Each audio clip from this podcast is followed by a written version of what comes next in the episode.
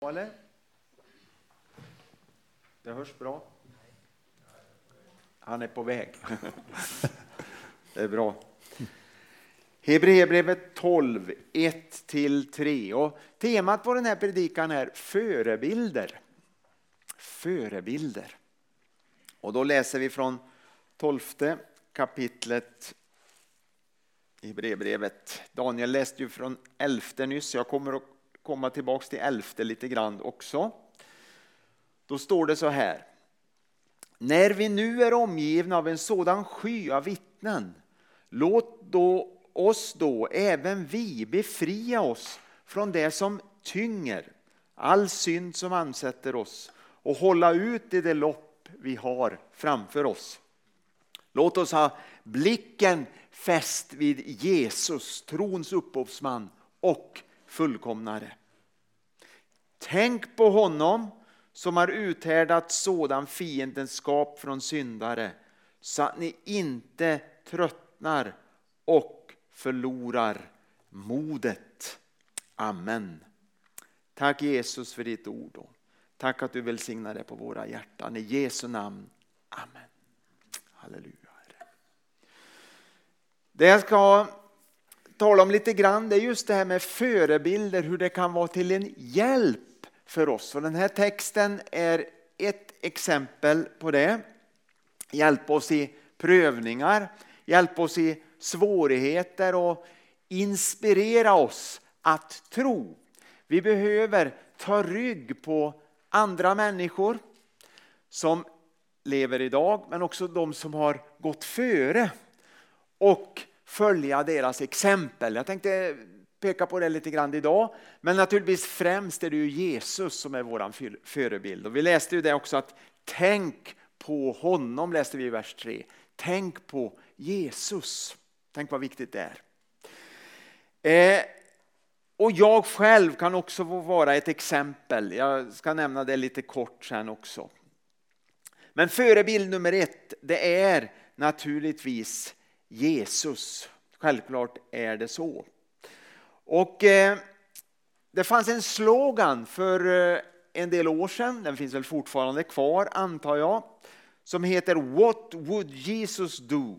Betyder alltså vad skulle Jesus göra? Och de här bokstäverna använder man då. WWJD, det är alltså på engelska, What would Jesus do? Vad skulle Jesus göra? Och nyss tittade jag på en film. Vi har ju haft filmkväll här första nu i fredags. Vi hoppas vi ska kunna ha det några fler gånger framöver. Och eh, det är kristna filmer då med budskap för, för barn och ungdomar. Och det var en väldigt fin samling vi hade. Det var väldigt inspirerande. Jag tror Anders håller med också. Han var här och hjälpte till med det tekniska. Så var han här som förälder också och lite stöd, vuxenstöd. Eh, och de här filmerna har väldigt bra budskap måste jag säga. Jag är imponerad alltså att det har skett en väldig utveckling på kristen film sedan jag var ung. Jag har inte sett så mycket på många år, det är därför det, det är lite nytt för mig. Men eh, det finns en stor industri i Nordamerika för det här och de, de har verkligen bra, bra saker. Och det var som någon som skrev att man behöver inte Eh, skämmas och sitta hela familjen och se de här filmerna. Det är så skönt, man behöver inte rådna inför sina barn i det som händer utan det är liksom så bra budskap och allting sådär. Los películas. Eh, och då fanns det en annan film, den såg vi inte nu i fredags men kanske kan se en annan gång. Och den hade just det här budskapet, vad skulle Jesus göra? What would Jesus do?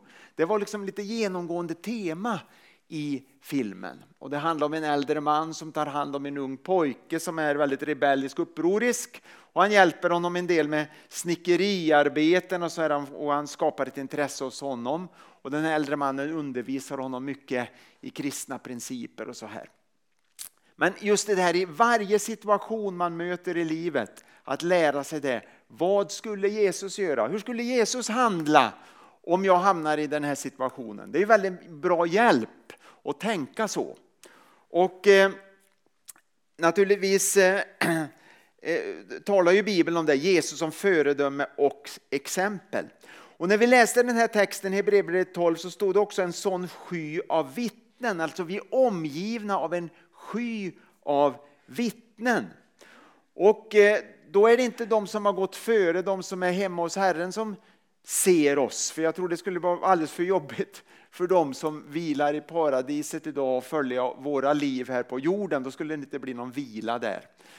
Utan jag tror att det handlar om att de som har gått före ska vara exempel att följa. Det är det som bibeltexten talar om här, Hebreerbrevet 12 kapitlet. Vi behöver följa exempel. Både människor som finns idag men också de som har gått före. Och det är någonting fint att påminna sig en sån här helg då vi tänker på nära och kära. Att följa deras exempel och ta vid, kanske stafettpinnen. Människor här i församlingen som har gått före vi tänker på, kanske som eh, ganska långt tillbaks också. Men tänk att de får vara med och inspirera fortfarande deras liv och deras exempel. Jag tycker det är någonting som är väldigt viktigt att lyfta fram. Hebreerbrevet 11 talar om förebilder. Som sagt, Daniel läste lite grann Hebreerbrevet 11. Och det står det bland annat om, eh, jag ska läsa det direkt, Hebreerbrevet 11, vers 5. Jag tror vi får upp det här på skärmen. Det står uppräknat lite olika personer. Tänkte vi kan läsa femte versen först. I tro togs Henok härifrån så att han inte behövde se döden. Man fann honom inte mer, ty Gud hade tagit honom härifrån. Dessförinnan fick han vittnesbördet att han hade funnit nåd hos Gud. Det är ett exempel i Hebreerbrevet 11, det är så många där från gamla testamentet. Men Henok fick vara ett exempel för den kristna församlingen i det nya förbundet. Han levde i gemenskap med Gud, han vandrade med Gud och han hade funnit nåd hos Gud. Och Hebreerbrevets författare lyfter fram Henok som ett exempel. Det står att han levde 365 år, det är inte lite heller. Sen tog Gud hem honom, tog honom bort, eller hem till, till Herren. Eh, sen har vi en annan person, vers 8, det är bara exempel för det finns många namn i Hebreerbrevet 11. I tro lydde Abraham när han blev kallad, han drog bort till ett land som skulle bli hans och han drog bort utan att veta vart han skulle komma. När det gäller tro, alltså lita på Gud och liksom ha förtröstan på Gud så är Abraham ett fantastiskt exempel. Han drog iväg utan att veta vart han skulle komma. Vi vill gärna veta vart vi ska. Så tror jag det är med oss allihop mer eller mindre. En del är kanske lite mer vågar ta mer steg men många av oss är ganska försiktiga. Och jag känner igen mig själv att jag vill gärna veta vad, vad händer och vart är vi på väg. Men Bibeln talar om att leva i tro. Det handlar väldigt mycket om att våga det här, ta steget och lita på Gud fast inte jag vet vart jag är på väg. Och lydnad det handlar ju om, inte om att veta, att lydnad för Gud, det handlar inte om att veta utan det handlar om att tro på Gud, att lita på Gud. Därför följer jag honom och lyder honom. Och Det är en utmaning och det är Abraham ett exempel. Sen står det i vers 27, jag ska ta ett tredje exempel från Hebreerbrevet 11 också. I tro lämnade han, alltså Mose handlar det om, Egypten och fruktade inte kungens vrede utan höll ut därför att han liksom såg den osynlige. Han liksom såg Herren framför sig. Det var ju som Abraham också egentligen.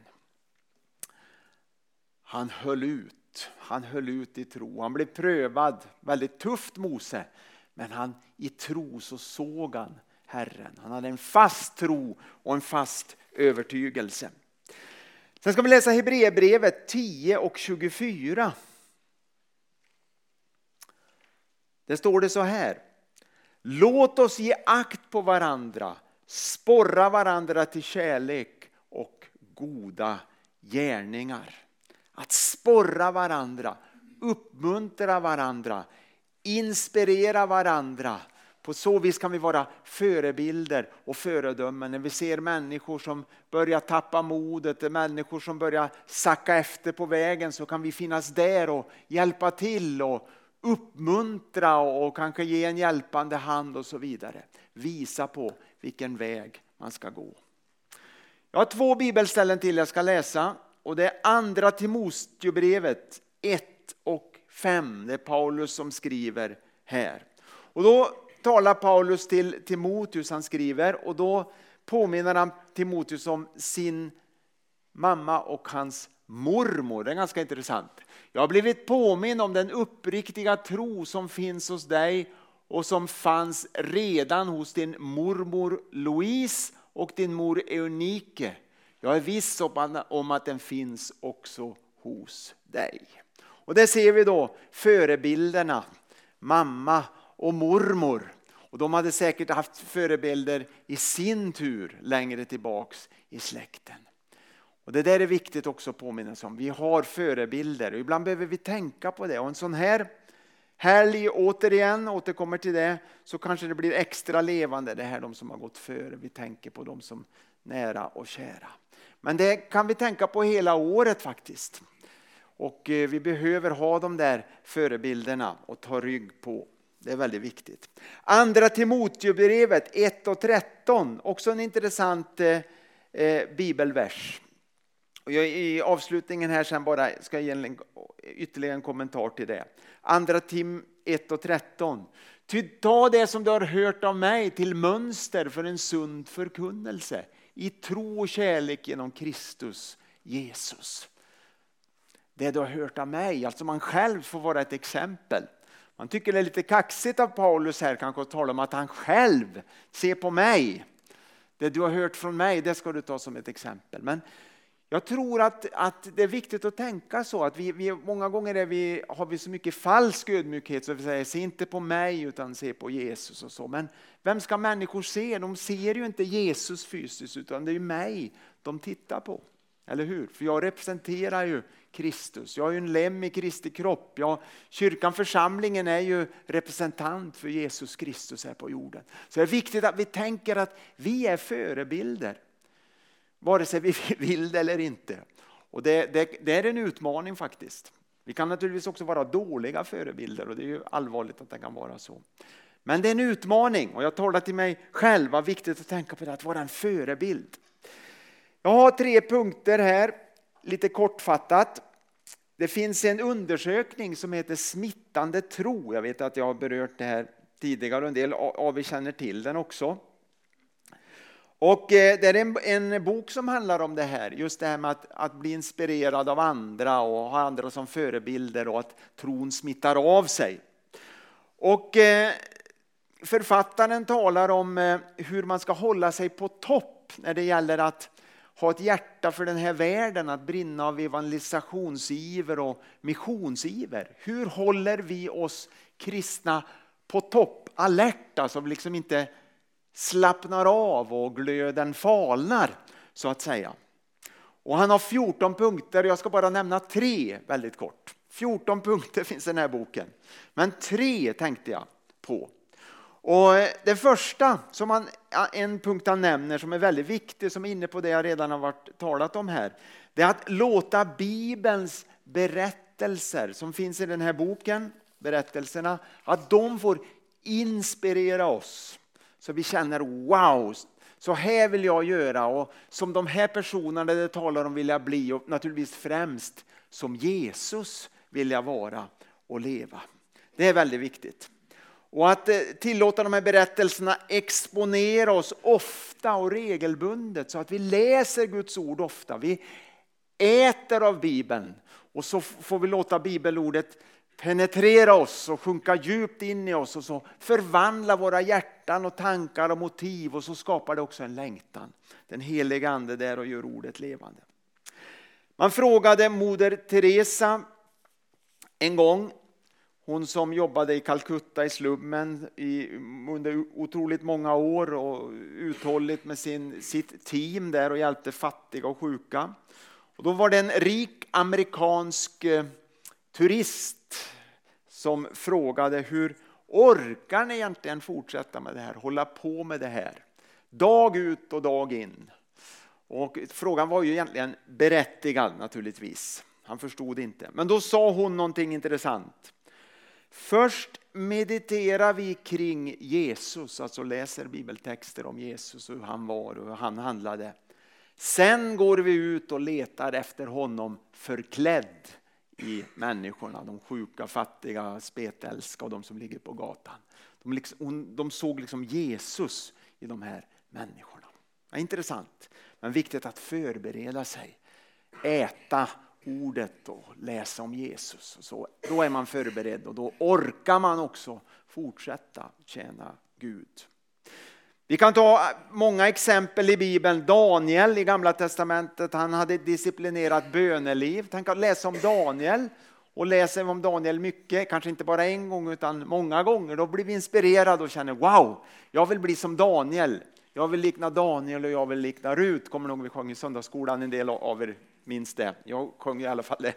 Men han får vara ett exempel, en förebild. Daniel i bön. Josef, Josefs karaktär. Tänk vilken karaktär Josef hade. Det är en, en av de få, det finns ju en del, men som man inte hittar något negativt om direkt. Många i Bibeln har många negativa sidor som lyfts fram, men Josef är inget direkt sådär som man kan peka på egentligen. Utan, eh, men han hade en väldigt stark karaktär. Och eh, det kan vara en förebild. Abrahams tro, vi var inne på det redan innan. Han trodde på Gud och därför höll han ut. David, kung Davids mjuka hjärta och mod. Han hade många skavanker eh, i sitt liv också andligt sett och gjorde många misstag och fel, övertramp. Men han hade ett mjukt hjärta och han hade ett mod. Eh, Jeremias nöd, profeten Jeremia, han hade nöd för sitt folk och hans tårar. Han, han grät inför Herren, han älskar sitt folk. Rut som nämns, hennes trofasthet kan man läsa. Hon har en hel bok uppkallad efter sig. Också en kort bok men väldigt intressant. Hon var trofast. Det kan vi också lära oss av. Det var några exempel jag tog från gamla testamentet här. Så låta Bibelns berättelser inspirera oss och låta Bibelns berättelser exponera oss ofta. Inte bara någon gång ibland utan ofta att vi läser ordet. Andra punkten som jag vill nämna det är att lära av dem jag inte kan umgås med. Alltså människor som har levat eller lever som jag inte kan träffa personligen. Det kan handla till exempel om läsa, om, läsa böcker eh, av pionjärer som har gått före. Det kan vara en väldig inspiration och hjälp att göra. Jag tror många av er håller med om det. Man kan läsa och så ser man vad, vad gjorde de och hur de var inspirerade och hur eh, deras liv och så där så blir man wow, blir man inspirerad själv. Inte ta efter helt och fullt, det kan man inte göra, men man kan ändå bli inspirerad och lära sig mycket. Av eh, predikanter man lyssnar till som man kanske inte känner, känner egentligen, man hör undervisning och så här. Missionärer kan också få vara en väldigt stor inspiration, etc. etc. Man kan ta del av undervisning. Internet skapar ju fantastiska möjligheter. Det finns mycket dåligt också. Men det finns otroligt mycket bra. Och jag lyssnar, försöker lyssna en del på, eh, på undervisning och predikningar också från lite olika så här sammanhang. Och det kan inspirera väldigt mycket. Konferenser, kristna konferenser etc. Listan skulle kunna göras lång. Ta del av missionärsbrev som vi får, det kan vara väldigt inspirerande också. Vittnesbörd från andra håll i världen, vad händer runt om i världen? Tidningar, tidskrifter etc. Eh, jag och Vicky får en hel del inspiration när vi, eh, ni vet det flaskprojektet som vi har, vi samlar in burkar och flaskor. Eh, Nacho, hennes släkting som har startat en församling en ung man, lite drygt 30 år, startade en församling för ett år sedan. Alltså un año. Mm. Och vilken inspiration att få del av hans bilder han skickar och hans berättelser. Och de är fullt med folk. Massa ungar och ja, barn och ungdomar och föräldrar i ett fattigt område som samlas. Och eh, det kan vara bra bit över hundra barn på barnsamlingar på, på lördagar och så här. Och den är bara ett år gammal. Det, det blir väldig inspiration. Och han har alltid varit så, säger Vicky, så inspirerad. I, ända så länge hon, hon har känt honom så har han varit oerhört brinnande och överlåten till Gud. Och nu har han blivit också eh, vad jag förstår ordinerad som pastor också och kan eh, ja, ha, ha, stöd från en del andra då, församlingar och pastorer också. Fantastiskt arbete och det, det, går, det går framåt. Med, vi samlar ju in här med, med det här med tomburkar och flaskor och det är en del som eh, de får in för att eh, bygga en enkel kyrkobyggnad. Sen får de in från lite andra håll också. De har kommit ganska långt faktiskt. Och eh, det gör mycket så jag vill säga tack för era gåvor, passa på att säga det också. Det är väldigt inspirerande att få del av det här och vi ska väl försöka berätta lite mer längre fram och visa lite bilder från det här. Eh, sen det tredje och sista innan jag säger amen. En punkt som, eh, som kan vara viktig att lyfta fram också, som egentligen har berört mer eller mindre. Men vara tillsammans och lära av smittande kristna. Det är alltså ta rygg på de som har kommit längre i tron, som är liksom före, några, något steg eller flera steg före mig själv. Och det kan inkludera också de, de som har gått före oss. Jag tänker på de som är hemma hos Herren idag, många som har lämnat oss. Och alla hade vi förebilder som barn, jag tror ni håller med om det. Eh, när jag var liten, så där på, under 60-talet när jag växte upp, och min stora förebild var morbror Ragnar. Eh, jag såg upp till honom väldigt. Han bodde hemma hos sina föräldrar. Han eh, var dryga 30, han var passerat 30, han gifte sig några år efter sen. Men jag var så fascinerad, han, han var själv, det tyckte jag var fantastiskt. Jag, jag ska inte gifta mig, jag ska vara som morbror Ragnar, sa jag. Men sen var det här som var fascinerande, det var att han var en sån här person som var, han var lugn, väldigt trygg och som var en sån här skogsmänniska. Det var jakt och fiske och han, han levde verkligen i skogen. Idag är han, eh, eh åt, nu ska vi se, han är född 30, han måste vara 88 år. Och, och eh, fortfarande still going strong, så det är roligt. Eh, men han var en väldig förebild så för mig som en ung pojke. Jag fick följa med ibland, vad spännande det var. Följa med på någon fisketur, inte för avancerat för det skulle jag inte orka kanske, men eh, när jag var ganska liten då. Och ibland fick jag också följa med när han var ute och tittade, liksom, kanske fanns något djur och jaga och sådär. Det var väldigt, väldigt spännande. Så jag skulle bli som han, det var min stora förebild då när jag var, när jag var liten.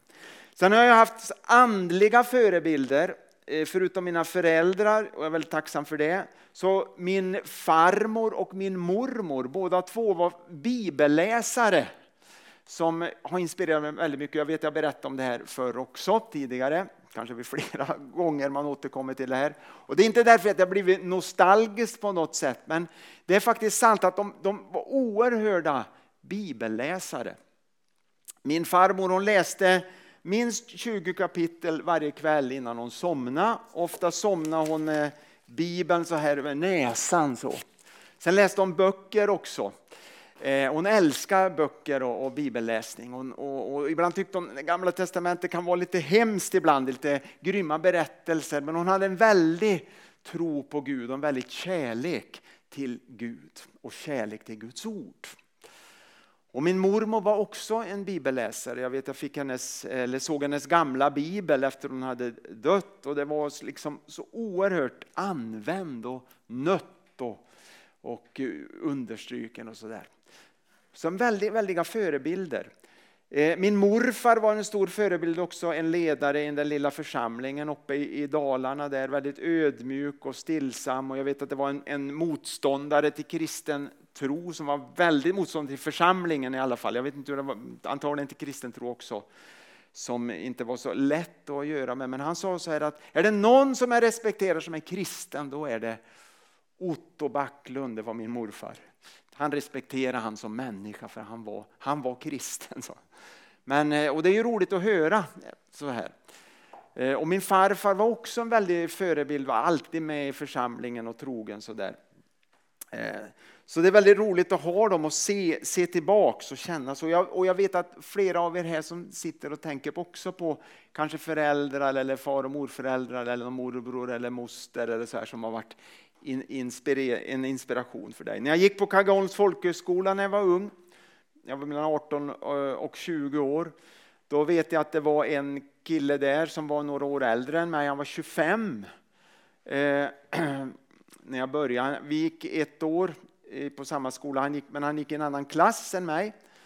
En väldigt avslappnad och härlig person. Sådär. Och han blev en förebild för mig också för han var samtidigt väldigt andlig om du förstår vad jag menar. Han var inte överandlig här uppe. Utan han var jordnära men andligt stark. Och jag vet vi pratade någon gång och då berättade han att varje morgon så gick han till kapellet där på Kaggeholms folkhögskola och hade en och en halv timme på knä inför Gud. Det var nog ganska ensam om på den skolan ska jag berätta. Eh, och jag och en annan kompis vi tänkte vi ska väl försöka också lite grann sådär så jag började, tror jag en eller två gånger. Månader var jag uppe och sen blev det inget mer. Men, men han var en sån förebild. Men just det här avslappnade sättet också. Han var väldigt jordnära men nära, väldigt nära Jesus samtidigt. Och Det var en stark förebild för mig då. Han blev eh, faktiskt pastor sen. Träffat honom senare också. Eh, och sen är det ju så här också att besvikelser ingår i vår livserfarenhet också naturligtvis. Sådana som man sett upp till, men det ska inte tala om mycket här, för det är ett, ett ämne för sig. Många smärtsamma avslöjanden och vi vet under senare år också. Och jag vet att också jag haft förebilder som man sen har känt, nej vad tråkigt, det blev inte, de var inte som jag trodde. Men det är en avdelning för sig. Den risken är ju, får man ju ta så länge man lever här på jorden. Och sen är det viktigt också att säga att man måste bygga en egen gudsrelation. Inte bara leva genom någon annans tro. Jag måste själv vara förankrad i min Jesusrelation och i Guds ord. Tänk vad viktigt det är. Till sist, vi är också kallade att vara förebilder. Och det läste vi om innan här när Paulus skrev till Timoteus. Att ta mig som exempel och det jag har undervisat. Och att vara en förebild i att följa Jesus, det är ju ändå det bästa jag kan ge till andra människor och till min familj. Att vandra i hans fotspår, att överlåta mitt liv och lyda honom. Det är det bästa jag kan göra. Det är den bästa investeringen jag kan göra i andra människors liv. Och det får stora konsekvenser för andra människor. Det kan få väldigt stora konsekvenser. Och vi vet att en människas exempel kan förvandla hela samhällen. Och det vet man i historien också. Förvandla hela samhällen, till och med hela nationer. Att en människa tar Gud helt och fullt på allvar och är ett exempel. Det kan betyda så oerhört mycket. Jag tror aldrig vi kan förstå vad det betyder. Och därför är mitt föredöme och exempel så oerhört viktigt, särskilt bland de närmaste människorna eh, som jag lever med. Och känner du så här att jag, jag har misslyckats, jag har inte varit så bra exempel eller förebild och så där anklagar vi oss ofta. Det vet jag att jag också gör många gånger. Men då har jag goda nyheter. Så länge du finns kvar här på jorden och du lever så är det inte för sent. Det är inte för sent. Du kan överlåta det på nytt till Jesus och säga här har du mig. Nu från och med idag vill jag vara en förebild för dig i allt jag gör, allt jag är, allt jag lever, allt jag säger. Så vill jag vara ett exempel. Gud kommer att välsigna dig för det. Amen. Herre, tack för ditt ord som jag fått läsa den här söndag förmiddagen. Tack att du vill välsigna mina vänner här både äldre, medelålders och lite yngre. Herre, tack att du vill hjälpa oss Gud. Tack att du vill vara med oss. Tack att vi får se på dig först och främst Jesus, för du är vår stora förebild. Men tack att vi också har andra människor vi tänker på Herre. Du ser att vi var och en tänker på olika personer just nu. Kanske någon vi har lärt känna genom under livets gång. Eller någon släkting eller någon som har gått före. Någon morfar, någon farmor kanske. Någon förälder. Herre, tack att vi får ta rygg på dem och se vad de, hur de har levt sina liv. Inte att kopiera och, och, precis, utan du har ju en unik väg för var och en av oss. Men ändå att vi får låta oss inspireras, Herre. Vi ber om det, Gud. Tack för de som vi, personer vi får läsa om i Bibeln, i ditt ord, Herre. Tack att vi får låta oss inspireras av dem, Herre. Och överlåta våra liv till dig. Vi tackar dig för det Jesus. Tack att du möter oss var och en den här stunden. I Jesu namn. Amen.